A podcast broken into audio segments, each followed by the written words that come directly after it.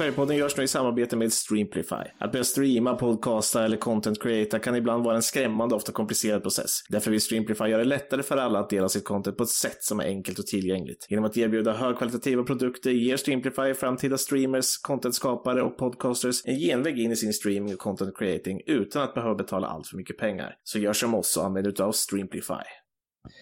Tjoho! Vad glada vi är idag! Eh, eller hur grabbar? Väldigt, väldigt glada. Ja, det är bra. Och ni hör att Micke är med oss. Eh, jag är tillbaka efter semestervecka förra veckan åtminstone. Eh, och eh, Micke är här och Rasmus är här igen och besöker oss. Tjo, Ja, jag är här. Jag är inte så glad, men jag är lättad att det blev tre poäng igår i alla fall. ja. Ja, det hade varit tungt om det inte blev det. Ja, då hade vi fan, hade vi spelat in då ens? Det hade inte varit oförtjänt eh, i alla fall, men Nej, ja, det hade varit tungt. Det hade känts jävligt onödigt att tappa poäng i den här matchen. ja precis. Eh, utöver det då, vad tyckte ni om eh, att Premier League startar igång till helgen? Det är väl ändå något man har längtat efter? Ja, men det var, det var, kul eh, såklart. Eh, kul överlag liksom att fotbollen drar igång med The Championship och League One och League 2 och allting. Känner att man har varit väldigt svältfödd, suttit och liksom följt träningsmatcher under sommaren och sådär. Så. Mm. kul att allt är igång. Ja, eh, jag var mest satt mest och tänkte på mina ligatips som jag slängde in. Jag, har ju några, dels kamikaze bett med några polare som vi slängde in för några veckor sedan.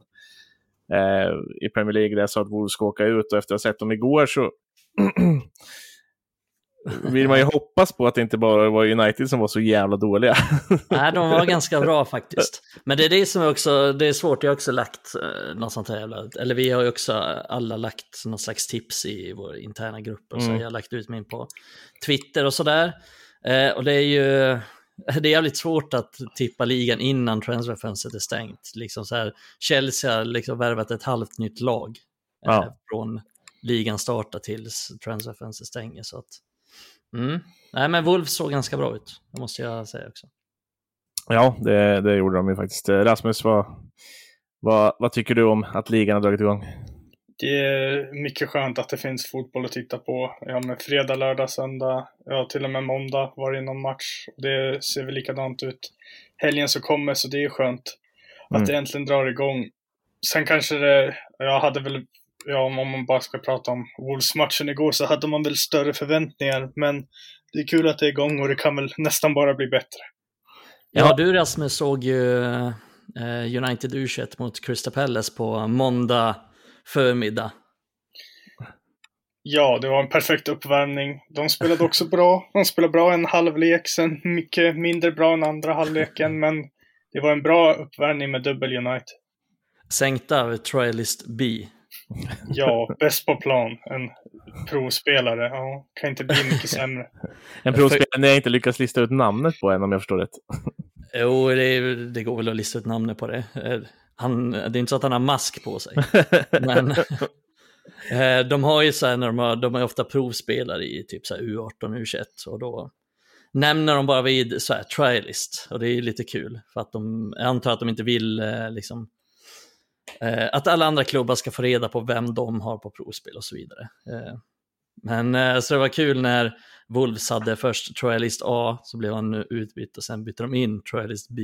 Så att då, nu heter Rasmus liksom, i, vi har, i det här programmet vi spelar in i så har vi våra namn, så här, Jonas heter Jonas och så kommer Rasmus in och heter trialist B.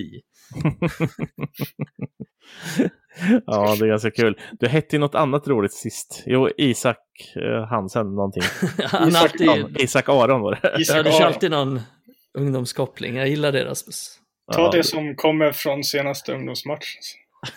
ja, och det händer alltid något där. Så att, Ja, jo, det är händelserikt. Ja, eh, det är kul att se ungdomsfotboll. Eh, det är nästan tack vare Micke jag ens har börjat kolla. Nu såg jag inte den matchen, men eh, Nej, det överlag sett. mm, det gäller att liksom planera sitt liv så att man kan se dem. Sen blir det att de följer några av spelarna också. Largi Ramazani har jag fortfarande lite koll på. Ja, eh, ibland. Almeria. Exakt. Eh, han var ju, ryktades ju iväg därifrån till uh, något annat spanskt lag under Ja, sommaren. du blir en sån här stalker. Ja, han var ju bra i u vad fan, det var kul att se honom. Ja. Uh, sen så hatar jag hela ligafotboll så att, uh, det blir inte så mycket att kolla på honom däremot. Uh, ja, i alla fall då, som sagt, det var väl det och att Swansea levererade ju inte direkt i, i Championship heller, efter att jag hade sagt att de skulle flyga. Så att det var inte heller bra för mina tips. Men vi får se vad som bär frukt där. Vi kanske ska börja prata om... Jag tänkte förresten först att vi skulle slå ett slag för att även om det här är ett nytt avsnitt, 178 i ordningen tror jag det är, eh, så finns det mycket gött att hämta från förra veckans avsnitt, Micke, när ni satt med eh, David Selini, du och Adam, eh, och eh, diskuterade mycket inför säsongen. Eh, så att har ni inte lyssnat på det så in och lyssna på det. Det är två timmar av mycket gött. Där ni kan hoppa över är väl egentligen slutfasen med inför Wolves, skulle man kunna säga. Jag vet inte om du har något att tillägga där, Micke?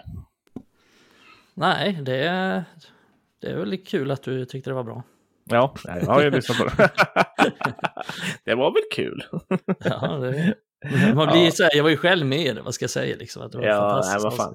Ja, men det är väl bra. Alltså, ja. Och att det, det faktiskt är ett sånt här avsnitt som går att lyssna på eh, även lite efteråt. Ja, nej, men det går det väl. Det är väl fortfarande relevant. För det är ju mycket så här vad vi tänker inför säsongen och så där. Mm. Eh, så att in och lyssna för i hela helvetet. Eh, nu ska vi prata United då och eh, vi får väl börja då med den här eh, jag vet inte fan vad man ska kalla det igår, men fadäs, eh, konstigt, eh, märkligt, eh, dåligt, eh, allting. Men eh, Rasmus, hittar du någonting positivt förutom att vi tog tre poäng igår? Alltså, ja, vi höll ytterligare en nolla på Old Trafford, även om jag vet ja, det är bra. Även om nollan kanske inte var för att vi var spelmässigt bra, men det är i alla fall, ja men också så här, förut har vi alltid torskat eller spelat 1-1 i de här skitmatcherna som vi har. Nu spelade vi dåligt, vi fick tre poäng, höll en nolla hemma, trots att vi spelade riktigt dåligt. Så ja, det är väl egentligen inte mer positivt än att det blev tre poäng om jag ska vara helt ärlig. Eh, tre poäng och en nolla, men jag vill inte bara säga att det var något positivt mer än det, för i grund och botten så tycker jag inte att det fanns mer positivt än så. Nej, eh, alltså André Onana gör väl en, en bra match förutom eh, det här i slutet, den incidenten skulle jag säga. Men, eh, men ja, jag kan hålla med om att eh, nollan är väl bra. Ja men alltså det var ju, det är svårt att hitta några bra saker för jag tycker att nästan alla spelare var dåliga också. Så ja. det jag tar med mig är väl också att, att jag tycker att Onana var ganska bra ändå. Bra att han fick komma in i det hela, klara av den här tävlingsdebuten på hemmaplan. Och, och var en skottstoppare eller? För att alltså, ja. alltså, det var ju lite det han var igår och det var ju det han inte skulle klara av efter att de Gia är världens bästa som alla vill ha kvar. Ja, precis. Så förutom situationen i slutet så tycker jag också att han var väldigt bra på att, på att komma ut och plocka inlägg. Det var precis där i slutet också han plockade ett ganska svårt inlägg. Eh, mm. Eh, som han eh, ganska modigt gick ut på. Och, eh, och det är så viktigt i de här situationerna, speciellt när vi tappar initiativet och blir tillbaka tryckta, att vi har en målvakt som kan ta bort den här pressen från oss genom att fånga med bollen. Det är så jävla mycket. Eh, och det tror jag kommer vara till stor nytta den här säsongen. Ja, uh, absolut. Uh, men, men, finns det någonting annat liksom, som man ändå kunde se som såg okej okay ut? Alltså det är så här, eh, tittar jag spelare för spelare så är väl typ Rafa Varan, han gör mål och jag tycker inte han gör någonting annat konstigt på plan. Mer än det han ska göra. Det är alla andra omkring som har roller där de ska vara kreativa som är otroligt bedrövliga bara. Ja, det, ja, ja lite, lite så är det väl. Och så här, jag tycker Sancho gör ett hyfsat inhopp och annars är det ganska, ganska så jävla dåligt på i princip alla positioner, vilket är mm. ganska ovanligt att alla är så dåliga. Ja, men jag, hade, jag skrev det på Twitter också, att det kändes som att vi antingen är totalt nedtränade eller så har man fuskat på varenda löptest under sommaren. Men samtidigt så har jag sett på träningsmatcherna så har det sett ganska bra ut. Framförallt löpmässigt. Man har roterat mycket på plan och man har löpt konstant. Och sen helt plötsligt i en Premier League-debut så löper man nästan ingenting. Eh, vilket jag kan tycka är jävla märkligt. Eh, orkar man inte? Har alla åkt på diarré till matchens start eller har söpt dem igår? Jag förstår inte riktigt. Det är väl lite samma, ja, men jag tycker de två första träningsmatcherna, ja, men, till exempel mot Leeds när det bästa laget spelade en halvlek, då stod Leeds lågt och då tyckte jag inte att man skapade särskilt mycket. det var väl likadant igår mot Wolves liksom. Det är ganska lätt för Wolves att läsa vad United ska göra. Mm. När Rashford spelar mitten, ja men Anthony äh, springer på sin kant, Garnacho på sin kant, men det händer inte mycket mer. När det väl i det uppställda spelet så kommer det inga löpningar som försvaret inte förväntar sig. Och det tyckte jag också att man såg i försäsongen, speciellt de två första matcherna. Det var mer när man mötte ett Arsenal som stod högt, när man väl fick utrymme för sina löpningar. Men möter man ett lag som står lågt så blir det så här, ja, men som jag sagt hundra gånger förut, liksom, det är så förutsägbart allt som sker. Alla löpningar är förutsägbara. Det måste vara det enklaste att försvara sig mot. Mm. Mm. Eh, och speciellt också eh, i den här uppställningen som United har mot Wolves, eh, till exempel med Rashford som striker och sen Garnacho på vänsterkanten. Så vi, båda de är väldigt dåliga idag och det är ju såklart sitt också, men vi vet ju sedan tidigare att Rashford är ganska dåliga, dålig i den här typen av matcher när, när lag står lågt, när han inte får något utrymme att springa bakom. Sen tycker jag du lyfter en ganska bra poäng här, Rasmus, faktiskt att i de här, många av de här träningsmatcherna så är det faktiskt det andra laget, om man säger så, som gör målen, som har varit lite bättre. Och jag funderar nu, nu det här kanske jag borde kolla upp innan, men hur många 90 minuter liksom har Casemiro spelat på försäsongen? Det är inte särskilt mycket han har spelat egentligen. Nej. Så att eh, jag kan tänka mig att många av de här spelarna inte riktigt har kommit igång. Typ som så här, Casemiro, Luke Shaw eh, och så vidare. De, de, har spelat för lite och, och är kanske lite sega på att komma igång. Jag tänker framförallt på Casemiro då, att det var han ju även förra säsongen, tog några matcher innan han verkligen kom i, kom i bra form. Så att det är väl någonting där, alltså vi, om vi kollar på, jag kollade precis innan eh, det här avsnittet eh, drog igång så kollade jag för att tänkte mycket på det här, jag såg om matchen faktiskt idag. Så började jag tänka på hur många dueller vann de här spelarna egentligen? För det känns mm. som att vi förlorar varenda duell, att vi, vi hamnar efter, vi är ett steg efter hela tiden. Så kollar jag på att eh, Luxor vann två av fem dueller, eh, Martinez vann två av sju, Varan två av fem, Fambisaka 6 av 13, Mount 2 av 7, Casemiro 3 av 15, Garnacho 5 av 11, Fernandes 6 av 17, Anthony 4 av 9, Rashford 5 av 14, Lindelöf 1 av 2, Eriksen 0 av 1, Sancho 1 av 3, Pelistri 3 av 5, McTominay 2 av 5. Så egentligen är det bara eh, Lindelöf och Pelistri som vinner liksom hälften av duellerna typ. Annars är alla så här way, way off. Och Casemiro, 3 av 15 dueller vinner på den här matchen. Har det någonsin mm. hänt?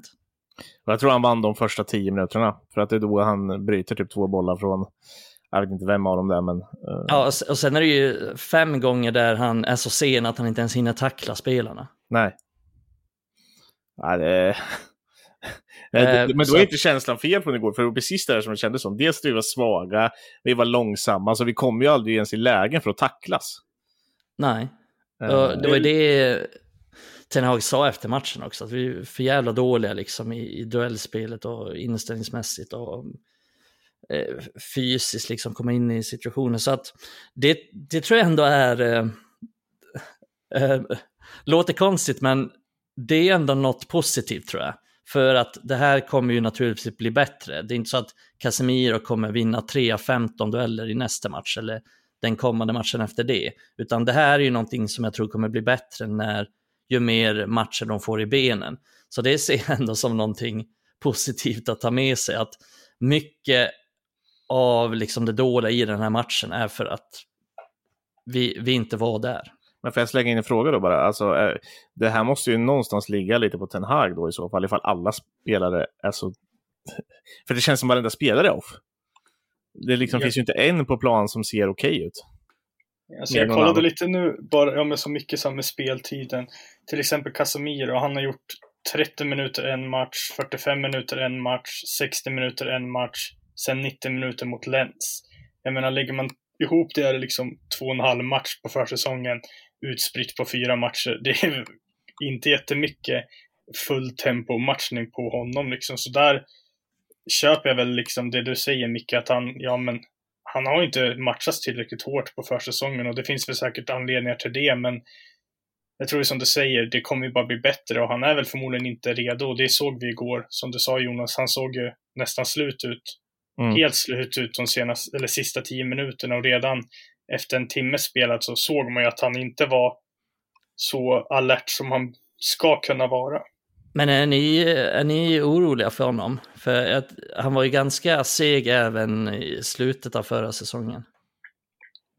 Så jag är väl orolig just så här, det beror på hur han ska matchas, men jag menar, ska vi nu spela Casemiro, Mount och Bruno, eller ja, byta Mount till Eriksson, så är ju Casemiro given i den elvan och jag ser ja, alltså han har ingen...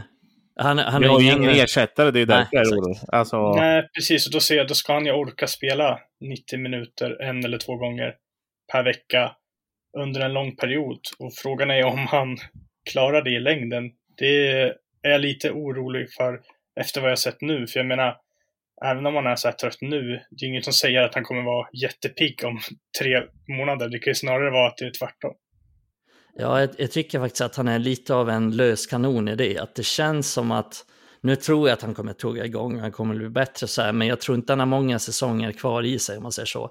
Om vi tar den här säsongen, han kommer givetvis vara ordinarie den här säsongen, men jag blir inte förvånad om han drar liksom till Saudi typ säsongen 24-25. Nej, det är möjligt.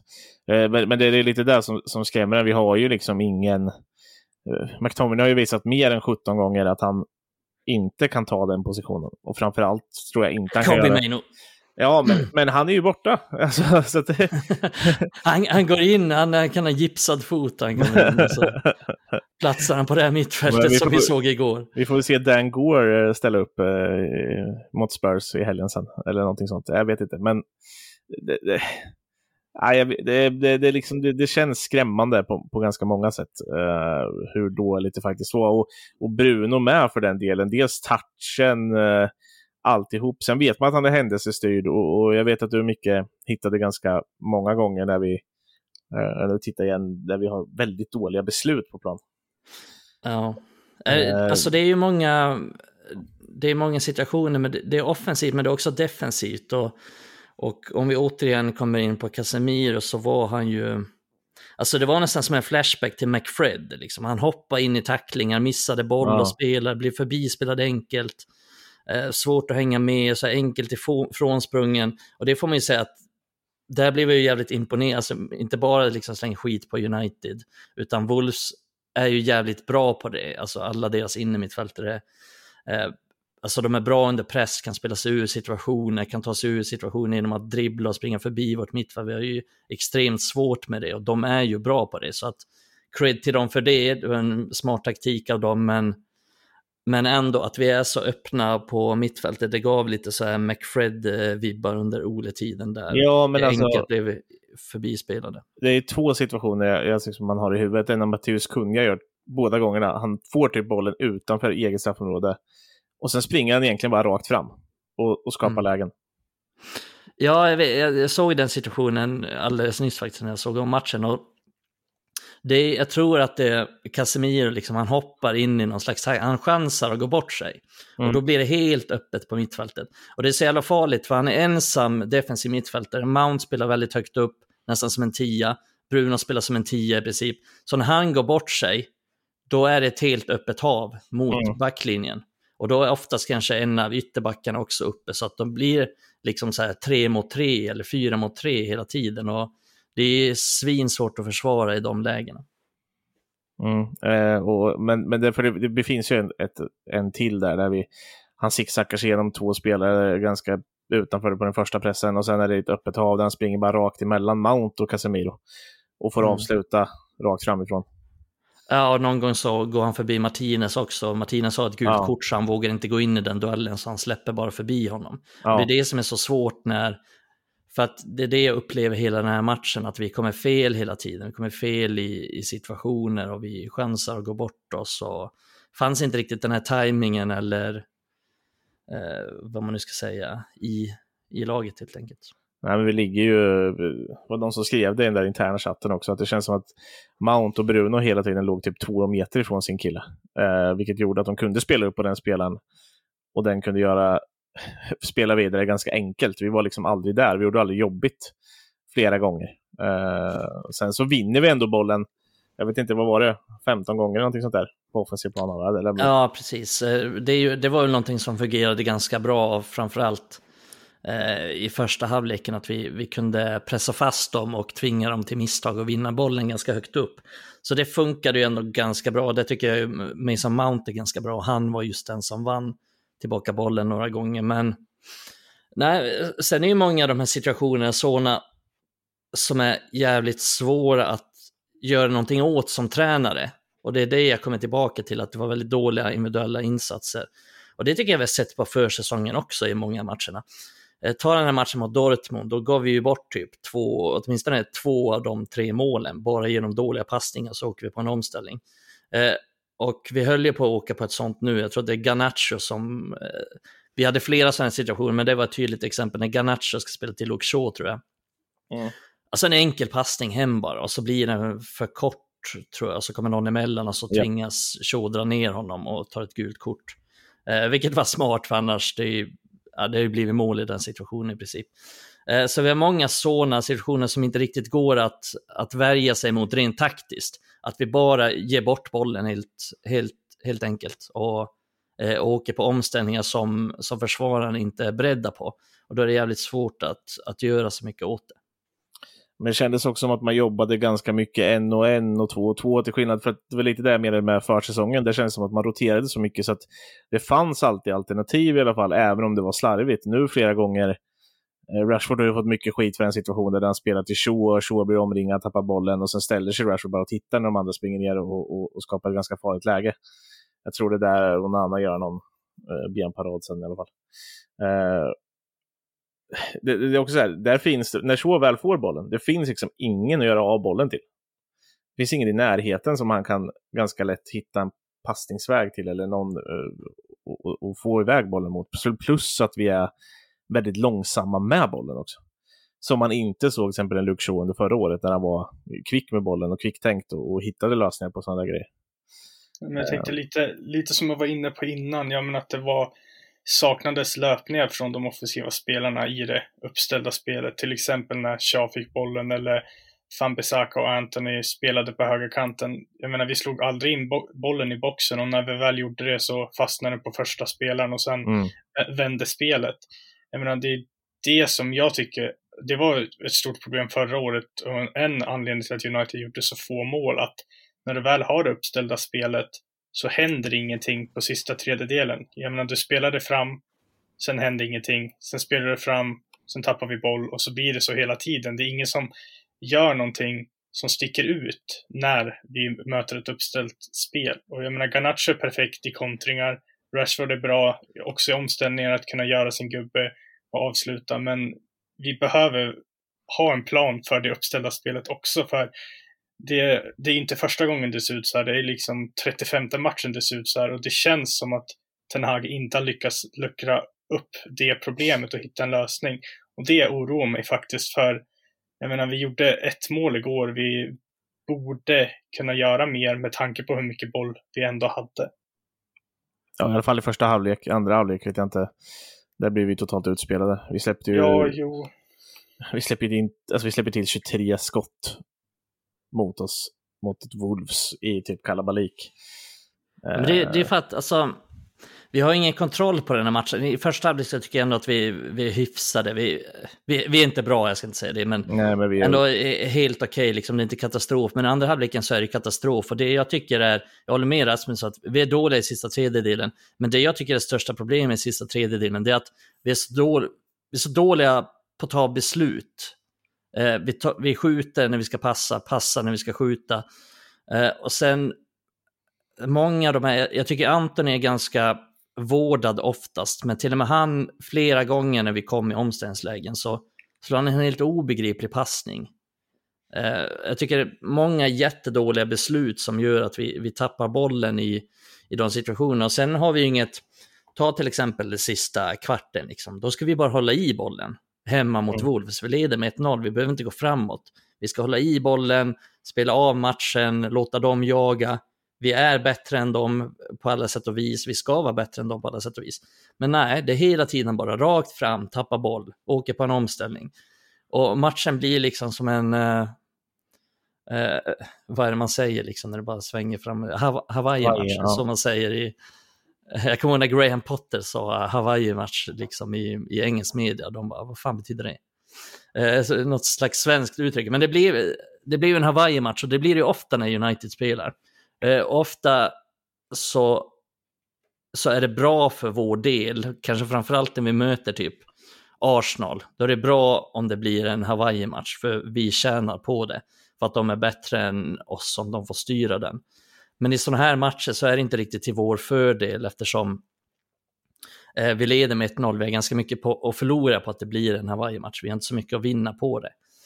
Eh, så det är, är det, jag tänkte inför den här säsongen att det vore skönt om vi har liksom en 2-3-0 ledning. Vi kan hålla i bollen så att det inte blir så att vi leder med 1-0 och de bara matar in bollar i boxen. För att vi, är, vi är förvisso ganska bra på att försvara de situationerna, eller vi har varit det i förra säsongen också, tycker att vi är ganska bra på att försvara de situationerna. Men att vi hamnar i de här lägena, det är för jävla dåligt och för jävla jobbigt för vår mentala hälsa.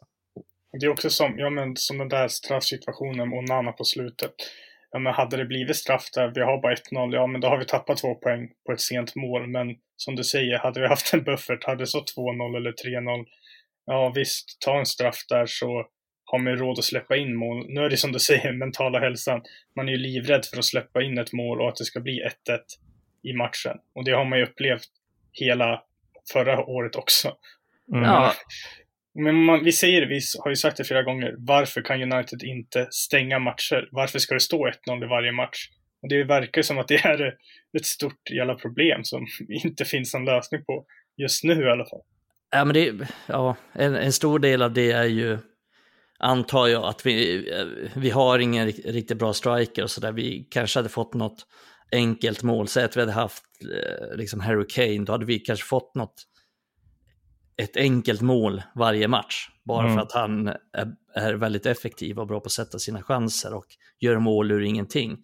Men nu har vi inte riktigt det, så vi får inte de här enkla målen och då kan vi aldrig nästan känna oss trygga. Och jag tror jag nämnde det till och med i förra podden, att eh, den här matchen mot Crystal Palace, när vi leder med 1-0 då. Vi har, den matchen så har jag för mig i alla fall, nu minns jag inte den så här i detalj, men jag tror att vi har ganska bra kontroll på matchen, de skapar inte jättemycket. Så får de en frispark i 93 och så gör de mål på den. Eh, och det är så jävla irriterande för att vi har hela den matchen och leder 1-0 och eh, har kontroll på det. Men har man bara en 1-0-ledning så, så är det sånt som händer. Eh, och de bästa lagen ser till att man gör kanske 2-0 i alla fall. Och sen har man råd.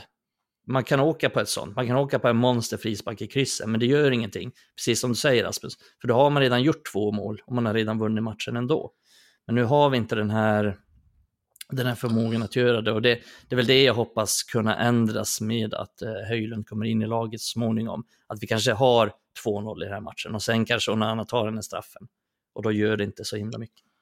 Nej, eh, sen kan vi väl alla hålla med om att det kanske borde varit straff. Eh, ah, ja, kanske.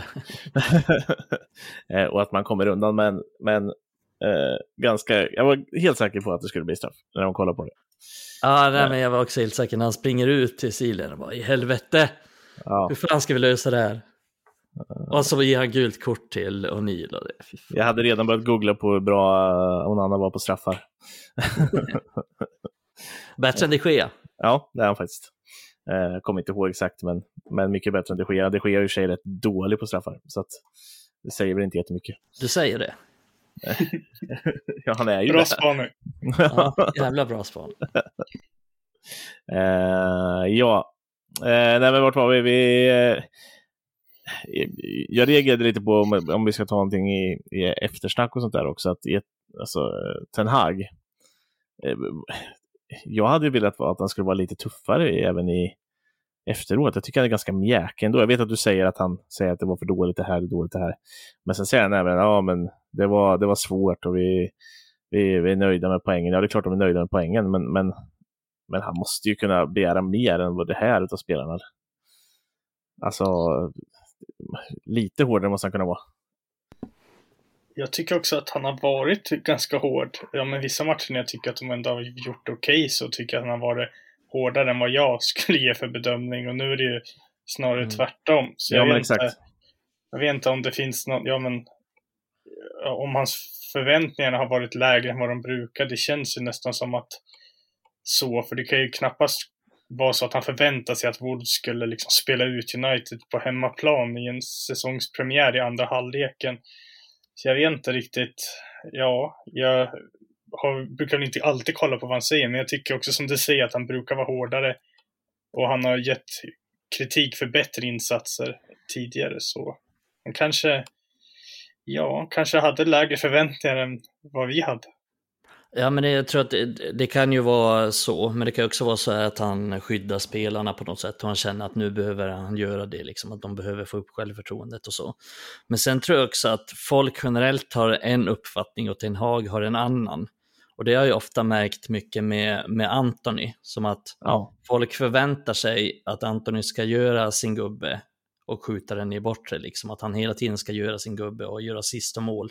Medan Erik Ten Hag kanske inte har just den förväntningen av Anthony, att han kanske värdesätter andra saker som Anthony gör. Och det ser jag nog lite med Mount nu, för att eh, Mason Mount får en hel del kritik efter den här matchen. Um, lite så här, ja men står han inte för högt uppe? Gör han inte det? Varför gör han så? Ehm, men jag tycker den relevanta frågan är ju, vad vill Erik att han gör? Och gör han de sakerna som Erik ber honom om att göra? Förmodligen. För han sa ju efteråt också att han är väldigt nöjd med Mounts match och att eh, han tycker att Mount var bra. Och han kan ju ljuga bara för att liksom ge det självförtroende. Men det kan också vara så att han, Mount gör exakt vad Ten Hag säger att han ska göra. Och då är det självklart att han är nöjd med honom.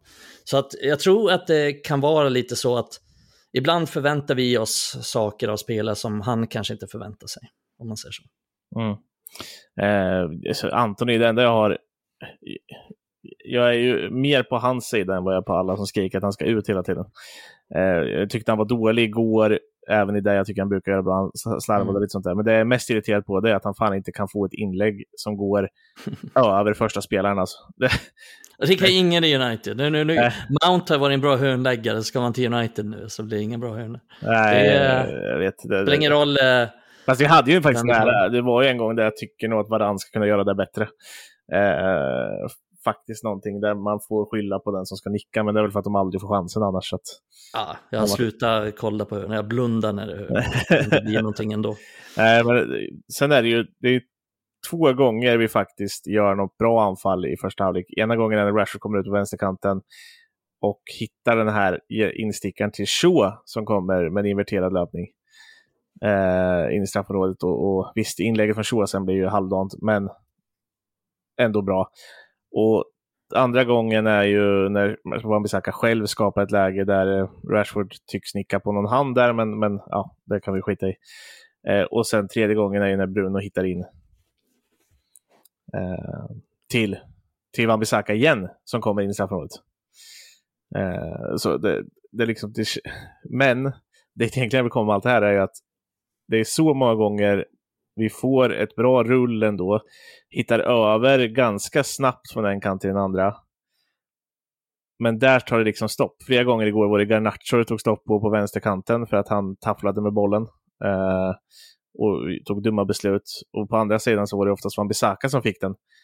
Och det är där det syns det här ni har pratat om innan och jag vet ni pratade om det förra veckan Micke. Eh, med hans totala inkompetens med bollen i sådana där kreativa lägen Eh, är så taffligt alltså. Och det är så många gånger bollen bara stannar upp där, eller så tappade vi boll där liksom.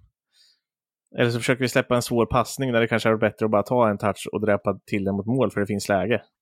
Ja, men det är det som, eh, det är, det som är nackdelen med Fambisaka och vi, vi trodde ju innan i alla fall, i alla fall jag, att Dalot skulle spela den här matchen och nu tycker jag förvisso att, jag vet inte om jag tycker att Fambisaka var bra, men han var ju ändå en av de bättre, men mm. alltså det är just i de lägena som Dalot är bättre. Eh, dels bättre uppspelsfot, men också bättre kanske i de här avgörande situationerna och lite mer farlig i de situationerna. Även om Fambisaka, eh, cred till honom, spelade fram fint i målet. Eh, så han var upp i luften då, så han behövde ju inte få upp den själv. Nej, men det var, det var ändå bra gjort. Ja, det var det. Till skillnad från eh, många andras insatser i sista tredjedelen så såg han ju ut som en stjärna i jämförelse. Ja, det var även han som hittade huvudet på Rashford där, så att det, det, ja, han, ska väl ha, han ska ha den credden, men, men överlag Mm. många situationer förstörs ju när han får bollen. Ja, jo, så är det. Eh, ja, jag vet inte vad han har att lägga till där, Rasmus. Nej men det är väl, ja men lite som ni snackar, Van Bissaka nu som ändå fick speltid rätt mycket under våren också. Ja men såklart att hans felpassningar, felbeslut på sista tredjedelen påverkar också, ja men Anthony om han spelar till höger, Sancho när han spelar till höger.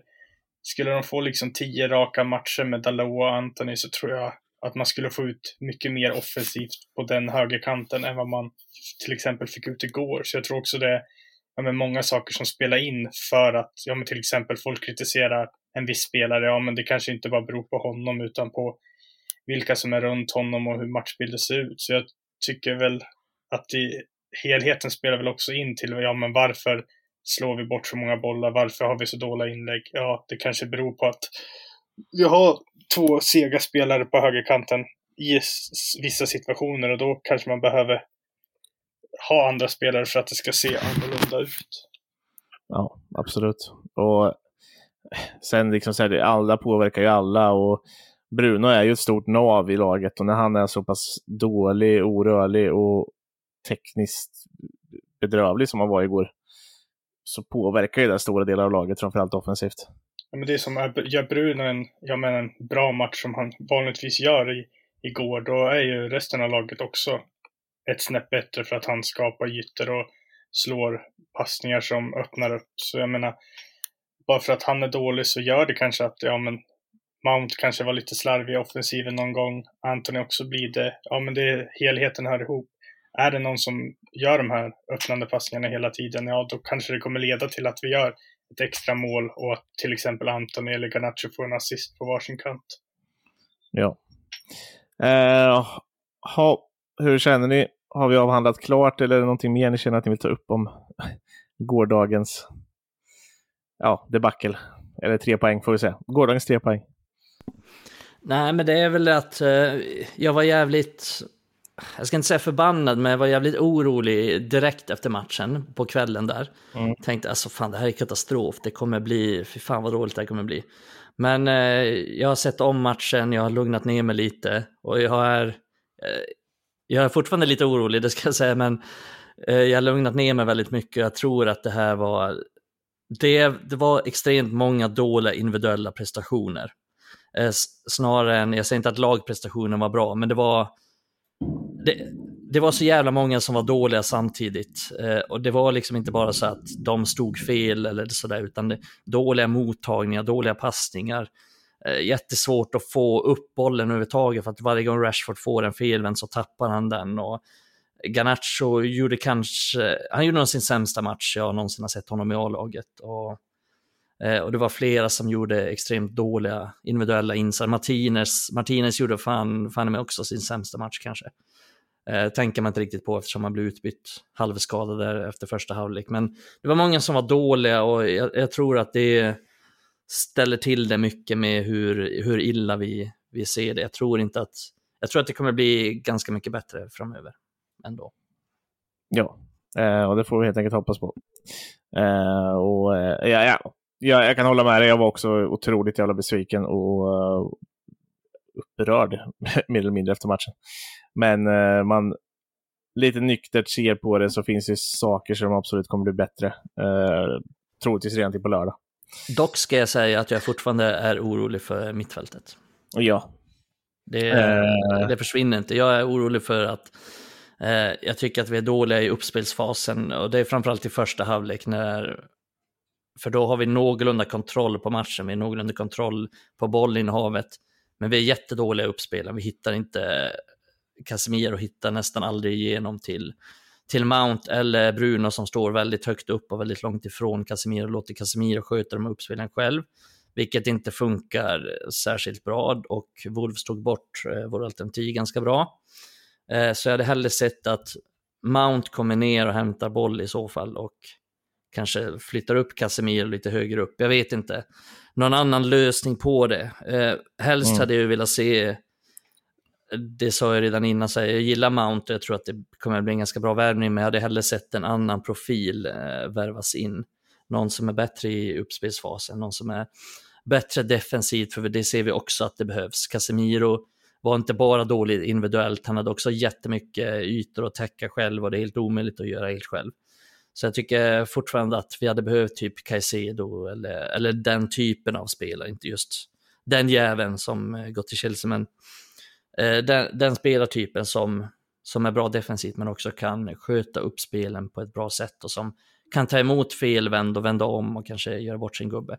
Och där, jag skrev också på Twitter typ att jag tror fan att eh, Kobe Maino kommer, jag kommer inte ihåg vad jag skrev, men någonting om att han platsade på det här mittfältet. Ja, och jag, och jag tror fan att han gör det för att han är den enda på vårt mittfält. Nu har jag inte sett Mount särskilt mycket i, de, i den djupare positionen så att säga, men jag tror fan att eh, jag är ganska säker på att, på att Maino är bäst av alla våra mittfältare på att komma ner djupt, hämta, eh, spela upp på ett säkert sätt utan att bli av med bollen. Men också på att bibehålla bollen inom laget. Jag tycker fortfarande att, att ett av våra största problem, och det syns framförallt i andra halvlek, är att vi kan inte hålla i bollen. Casemiro vill hela tiden framåt, han vill slå avgörande bollar från defensivt mittfält. Bruno vill slå avgörande bollar hela tiden direkt han får bollen fanns en sekvens i första halvlek där Bruno skjuter från 40 meter med vänstern. Sen får Casemiro bollen, han är defensiv mittfältare. Från kanten, 45 meter från mål, ska han slå något inlägg med vänsterfoten. Fastnar på första gubben. Helt jävla onödigt. Mm. Håll i bollen, spela bollen, värdera bollen. Eh, så det mittfältet är jag fortfarande orolig för och jag tycker att vi har för hafsiga spelare där och det är många av våra spelare som är hafsiga. Rashford är det, Ganacho är det. Eh, så jag tycker att det, det är någonting som oroar mig. Eh, men eh, jag litar på Ten Hag och jag litar på att han ordnar det. Och jag tror att det kommer bli mycket bättre med Mount på mitten. Eh, och jag tror också att det kommer se mycket bättre ut framöver. Så det är väl min slutgiltiga rant. vi tar den, stoppar ner den i fickan och eh, tar med oss den då. Eh, och eh, hoppar vidare till vad som komma skall. Ehm, eh, där vi har Spurs på lördag. Eh, ett Spurs som kommer från, jag vet inte vad man ska säga, men en bortamatch mot Brentford där man fick med sig en poäng. Eh, såg ju helt okej okay, livliga ut framåt, men skakiga bakåt, vilket kanske är vad man, ja, det man tänker om Spurs överlag. Eh, hur eh, tar vi oss an den matchen då, Rasmus? Ja, alltså jag vet inte om jag skulle hålla med dig i att Spurs var bra mot Brentford. Jag tyckte faktiskt inte att de var bra. Ja, men livliga gjorde... framåt. Jag sa inte att de var bra alltså, OK. ja, sak samma vad du sa, men jag tyckte inte att de var så övertygande. Jag menar, det var mål av Romero på en fast situation. Sen gjorde Emerson Royal ett skapligt mål. Men jag tycker till exempel, ja med Richarlison, Son, Kulusevski tyckte ingen av dem riktigt kom igång. Det var mest Madison som liksom levererade fina passningar och frisparkar och hörnor. Så om man ser till den biten så tror jag väl att United skulle klara av att plocka bort de offensiva spelarna utan att det blir några större problem. Förhoppningsvis. Och sen var, ja men vad hade de på mittfältet? De hade Madison, Bissoma, Oliver Skip. Ja, jag menar det borde vi ju kunna klara av att eh, manövrera ut med Casemiro, Bruno och Mount. Så jag är väl hoppfull att vi i alla fall kan få ut mer både på mittfältet och i den, det offensiva spelet mot Tottenham. Och det tror jag just för att vi kan stänga ner de offensiva spelarna och då ja, med både omställningar men även i det uppställda spelet kanske har betydligt mer boll än vad Tottenham kommer ha. Mm. Ja, alltså jag såg deras match mot Brentford och jag såg eh, halva någon av deras matcher på försäsongen också. Eh, och det som är tydligt, alltså den tydligaste skillnaden med dem, det är väl att de numera är ganska mycket bättre på det också, men försöker spela sig ur alla lagdelar och även backlinjen och kommer förmodligen tappa en del boll i uppspelsfasen och göra en del misstag där. Men utan Kane så har de mycket mindre spets. Eh, och det är ju naturligt de har tappat världens bästa nia, så att de är ju inte lika bra och eh, Son spelar den här matchen spelar väldigt långt ut på kanten och han är ju annars en spelare som jag ska inte säga att han är dålig liksom i själva spelet, men han är ju jävligt underskattad inne i boxen. Han är en jävligt, jävligt bra avslutare när han väl är nära mål. Eh, så där har de ju, nu vet jag inte om de kommer ändra på det till nästa match, men han är ju någon som de borde försöka få lite närmare målet kanske. Eh, sen åkte de på, de åkte på väldigt många, de styrde spelet mot Brentford, men de åkte på väldigt många omställningar och Brentford är ganska bra på den typen Mm, av precis. längre bollar från backlinjen liksom, mot deras forwards som springer i djupet. Eh, så jag tänker att det är någonting som eh, vi kommer försöka utnyttja, att de kommer försöka spela sig ur varenda situation och jag tror att med, med en bra press så kommer vi kunna vinna boll mot dem för att de är ganska nya i det här sättet att spela och deras spelare är liksom inte superbra på det. Eh, så jag tror vi kommer kunna vinna en hel del boll eh, ganska högt upp och sen få, kan sätta den snabbt i djupet på typ på Rashford och, och så vidare och så vidare. Garnacho kanske spelar i matchen också. Eh, så jag tror faktiskt att vi kommer kunna såra dem ganska mycket mer, för det kommer bli en helt annan match än den mot Wolves. Mm. Och jag, jag tänker spontant att eh, det är många som skriker efter att vi ska byta trion där framme, men jag när man tittar på matchen och jag tror det kan bli borta mot ett Spurs som vi spelar, så känns det som rätt trio att ha ändå, för där kan Rashford få ut mer av att vara forward. Vi ska utnyttja att de har Emerson Royal som eh, högerback. Ja, och då är det och sätta väldigt mycket Rashford och Garnacho i, i de situationerna, en mot en mot honom, för där tror jag att vi kommer kunna skapa väldigt mycket om de får komma rättvända i fart mot honom. Eh, Mm. Så det tycker jag verkligen vi ska utnyttja och de ytorna, eller de, de fick vi inte mot Wolves, så det visste vi sedan innan också, att vi inte skulle få så många av dem. Men jag tror att vi kommer få en hel del av dem mot Spurs. Såvida de inte ändrar taktik helt. Jag vet inte riktigt hur deras tränare fungerar, om han anpassar mycket efter materialet eller så, men jag får ju känslan av att han har sin idé och kör på den. Ja, sen tyckte jag väl att eh, Cristiano Romero tycker jag är en inte jättebra spelare med fötterna och vad jag såg av den här van de Ven, eller vad han heter, så var ju inte han heller en superstabil passningsspelare så att det borde ju kunna gå och, och, och med, med en bra press kunna sno åt oss lite bollar också. Ja, osäker också- på om Romero kommer, förlåt Rasmus, ska bara säga, osäker på om Romero kommer spela, han fick ju, eller han blir utbytt med hjärnskakning och det är väl sagt att de ska Ja, vila i sju det. dagar, så att Han var så jävla förbannad då. Det Ja. det kommer jag ihåg nu. Så. väl, jag vet inte hur regelverket ser ut om man måste vila sju dagar, men förmodligen så missar han väl matchen då i så fall. Ja, jag tror det för Ruben Diaz missade ju Supercupen imorgon och det var för att han var tvungen att vila ett visst antal dagar.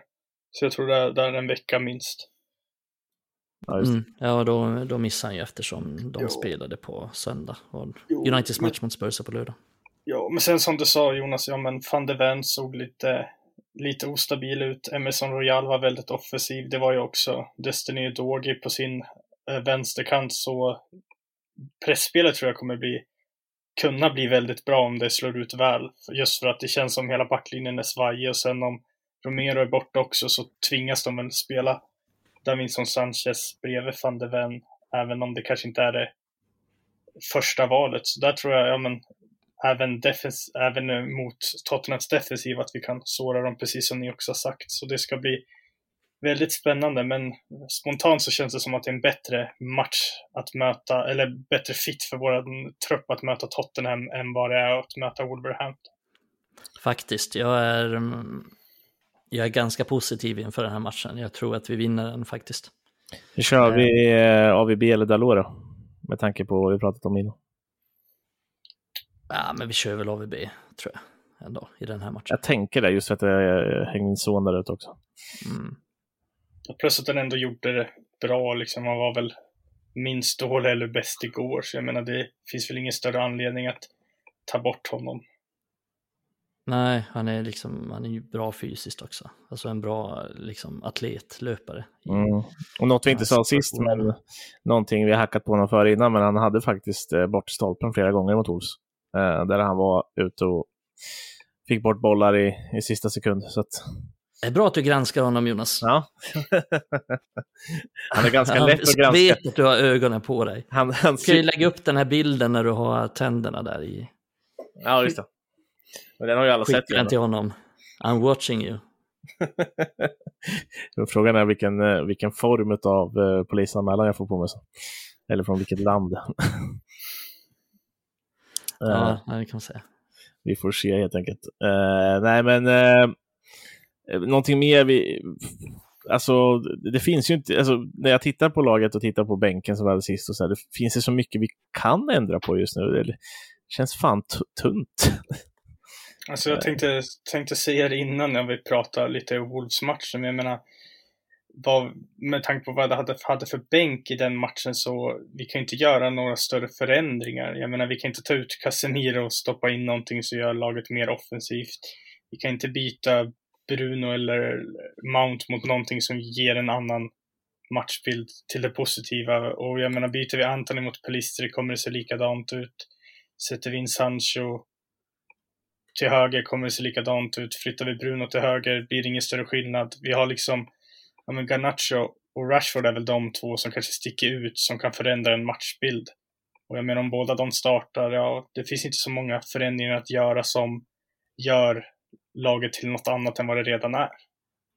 Nej, ja, jag, jag, tycker ändå att Pelistri har lite det där, att kunna förändra en matchbild. Alltså han har de egenskaperna att kunna ge någonting annat. Men annars håller jag faktiskt med dig för att Garnacho och Rashford är ju, de är ju inhoppstyper i, i sin struktur, liksom, att de kan komma in och förändra och framförallt Garnacho. Jag vet att jag sa det någon gång, jag tror att jag sa det i någon podd, att han är ju typ den bästa, alltså skulle jag få välja en i hela truppen som blir inbytt i en match, då skulle jag inte välja Bruno, jag skulle inte välja liksom Sancho eller någon annan av de mer etablerade spelarna, jag skulle ju välja Garnacho. För att han gör alltid skillnad när han kommer in han är inte lika bra som, eh, som startspelare än i alla fall. Eh, men eh, nej, precis, så att vi har ju inte så mycket att kunna förändra egentligen. Det är väl om vi, om vi använder andra spelare från start, alltså typ om vi tar en match mot Tottenham så Sancho, som sagt, jag tycker att han är ett ganska bra inhopp. Kanske att han förtjänar att spela på någon av de offensiva positionerna. Jag vet inte riktigt. Men är det inte eh. bättre då? Han har ju ändå en del av försäsongen, för jag tänkte på det här nu mot Wolves här i efterhand. Så hade jag nästan hellre sett honom som falsk nia och Rashford på kanten då. Här, visst, med visst. facit i hand. För att ja. han är bättre på att behandla boll än vad, mm. vad Rashford är. Och framförallt, mm. var, vi tappade bollen kanske sju, åtta gånger på att Rashford var, var dålig på att ta emot bollen. Mm. Uh, vilket... Ja, men verkligen med facit i hand så, så absolut, då skulle Sancho kanske ha spelat eh, centralt som falsk nia och kanske Rashford som till vänster. Eh.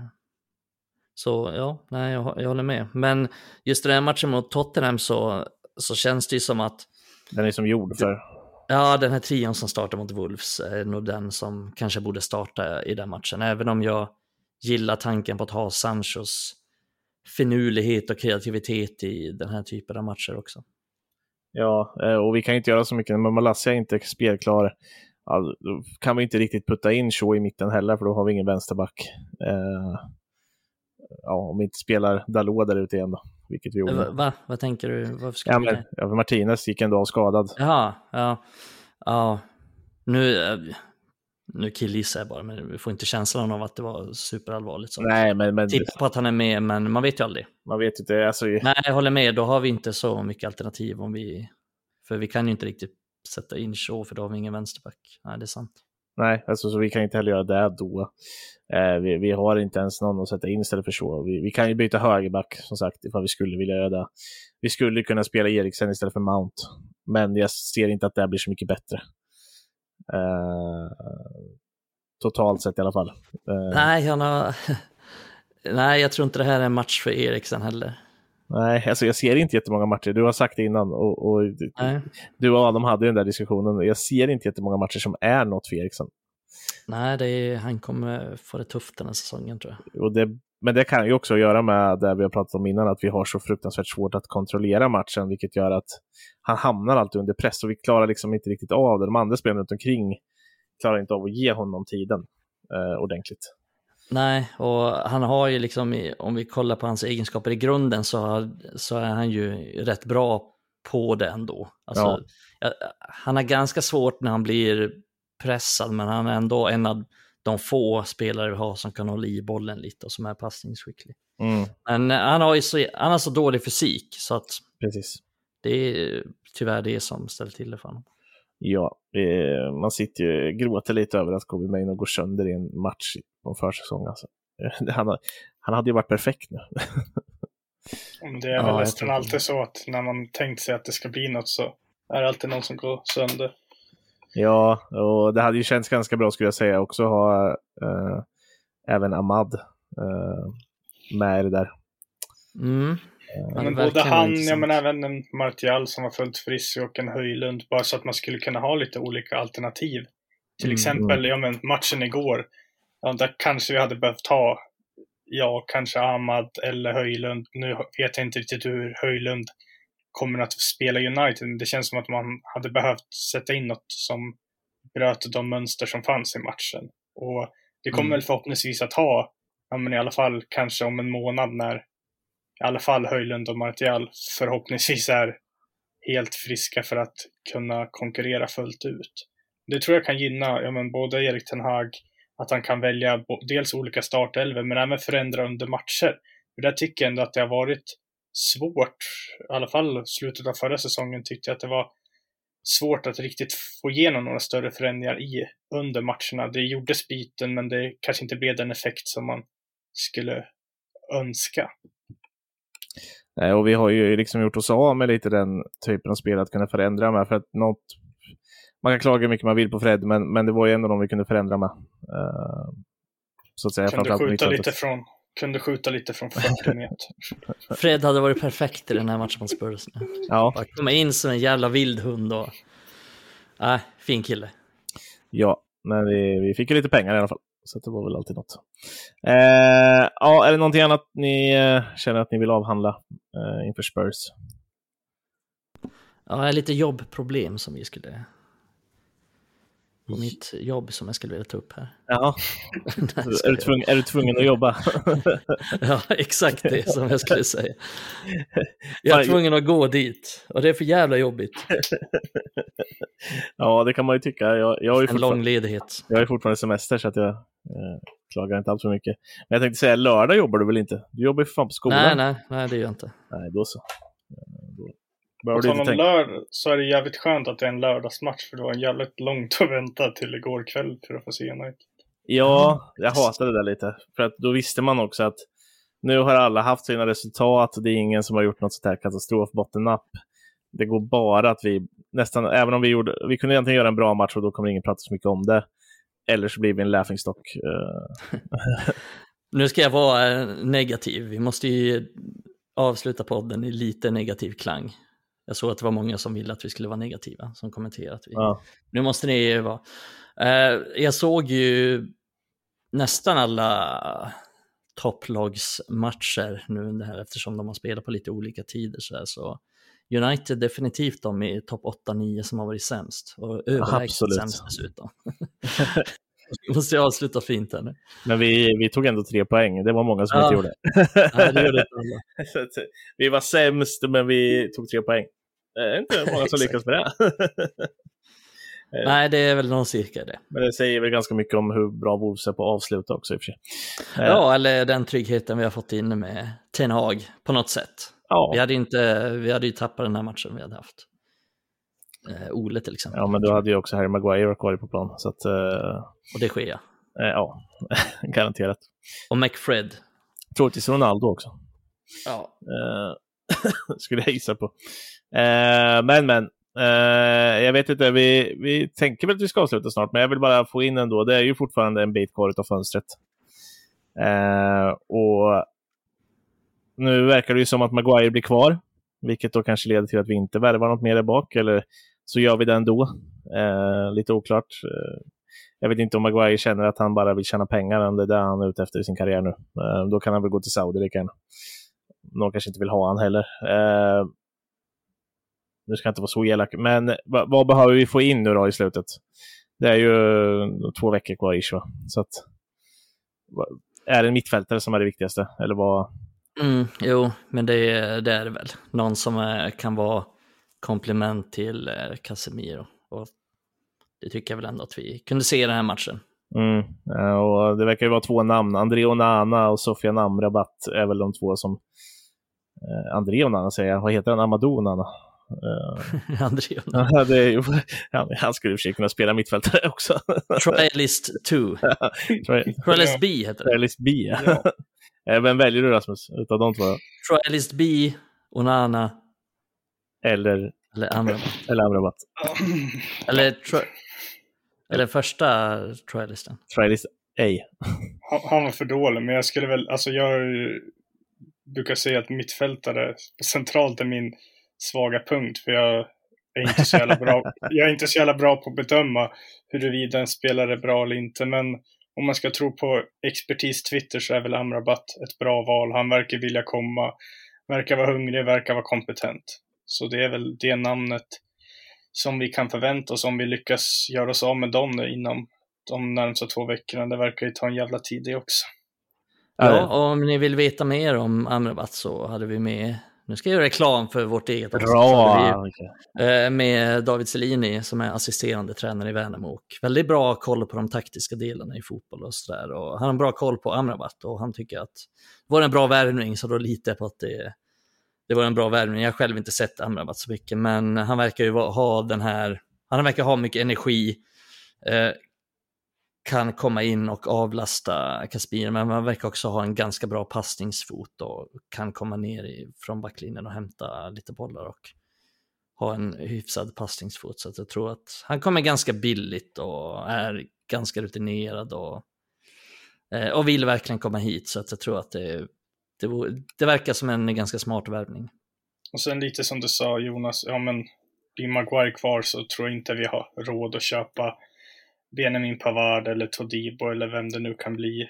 Så det är väl det om vi lyckas göra oss av med honom under sista veckan. Något lag kanske blir lite desperat, lyckas övertala han att kanske inte bry sig så jävla mycket om de här sista miljonerna. Så kanske vi lyckas få in en ny mittback som kan spela tillsammans med Vigge när det behövs roteras. För det behövs ju faktiskt roteras med tanke på Champions League och cuperna.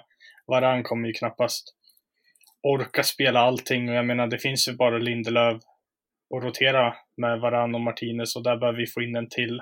För oavsett om Maguire blir kvar så är jag väl inte säker på hur bra det är att spela honom. Jag menar han har väl bränt sitt, han har ju bränt sitt förtroende hos fansen, hos klubben, hos spelarna. Det Och sen kommer Hag med vara verkar det som. ohållbart. Ja, precis. Då kan vi ju lika gärna spela Teden Mengi i, i ligacupen.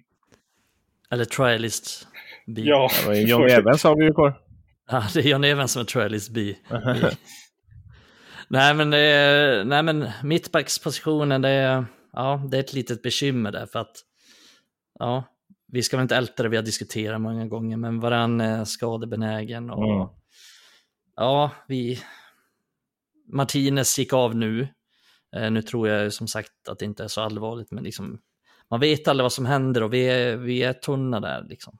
Mm. Så att det är ju, det vore ju, jag hoppas verkligen att det löser sig med Maguire till slut. Att det bara är någon slags jävla United försöker sätta press på Maguire eller vad fan som händer. Man, man vet ju inte, ibland så, så briefar ju klubbarna media så att de ska komma ut med något slags budskap. Så man hoppas ju att West Ham försöker sätta press på Maguire eller vad det är som, som händer. Men jag hoppas verkligen att det löser sig så att vi kan få in en, få in helst en, eh, helst en ung mittback som kan Ja, jag, jag, var annars lika, jag var annars lika kåt på Pavard som Adam faktiskt.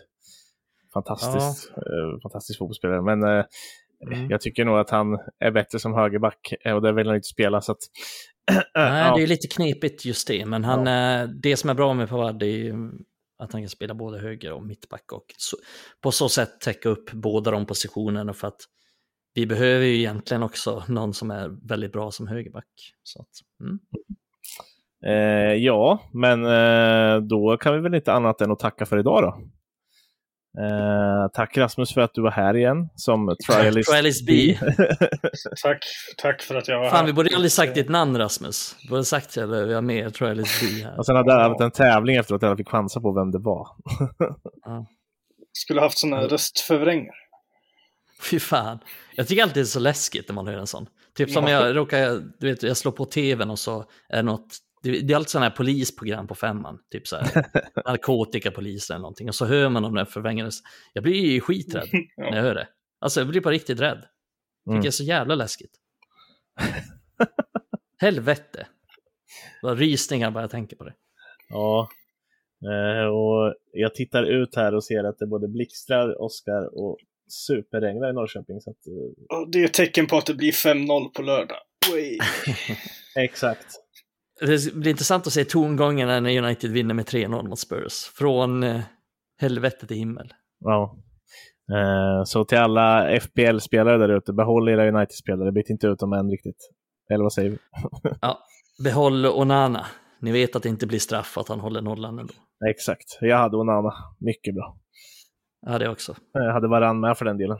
Eh, även, Snyggt. men sen kan alltså borde alla titta på eh, Adam Stenbergs lag också. Finns på vårt Twitter-konto, Exakt. Raspodden. Eh, som ni borde följa och interagera med oss. Det tycker vi är kul. Eh, och vi svarar så snabbt vi kan. Vill ni skicka DM så gör det. Annars kan ni skriva i kommentarerna på olika inlägg som eh, herrarna eller jag lägger ut. Eh, vilket vi tycker är kul. Och in och läs på eh, Facebook också. Det har kommit eh, mycket bra analyser efter matchen. Spelarbetyg och mycket annat. Finns även ett Instagram och ja, ett Twitterkonto för vanliga Röda med Sverige. Som, Det heter X. X. X då. Mitt X-konto. Ja. Look at my. Trial is B, du har inget att säga till. Nej, eh, men i alla fall, där kommer det ju mycket om silly season och annat eh, smått och gott runt United i, i korta ordalag. Och det, där inne läser mycket själv. Jag får man ut mycket av eh, de som styr runt där inne. Eh, vilket vi tackar för. Men annars så eh, hörs vi väl nästa vecka. Eh, tack mycket. Tack. Tack Trialist B. Thank you, sir. så hörs vi. Bye bye.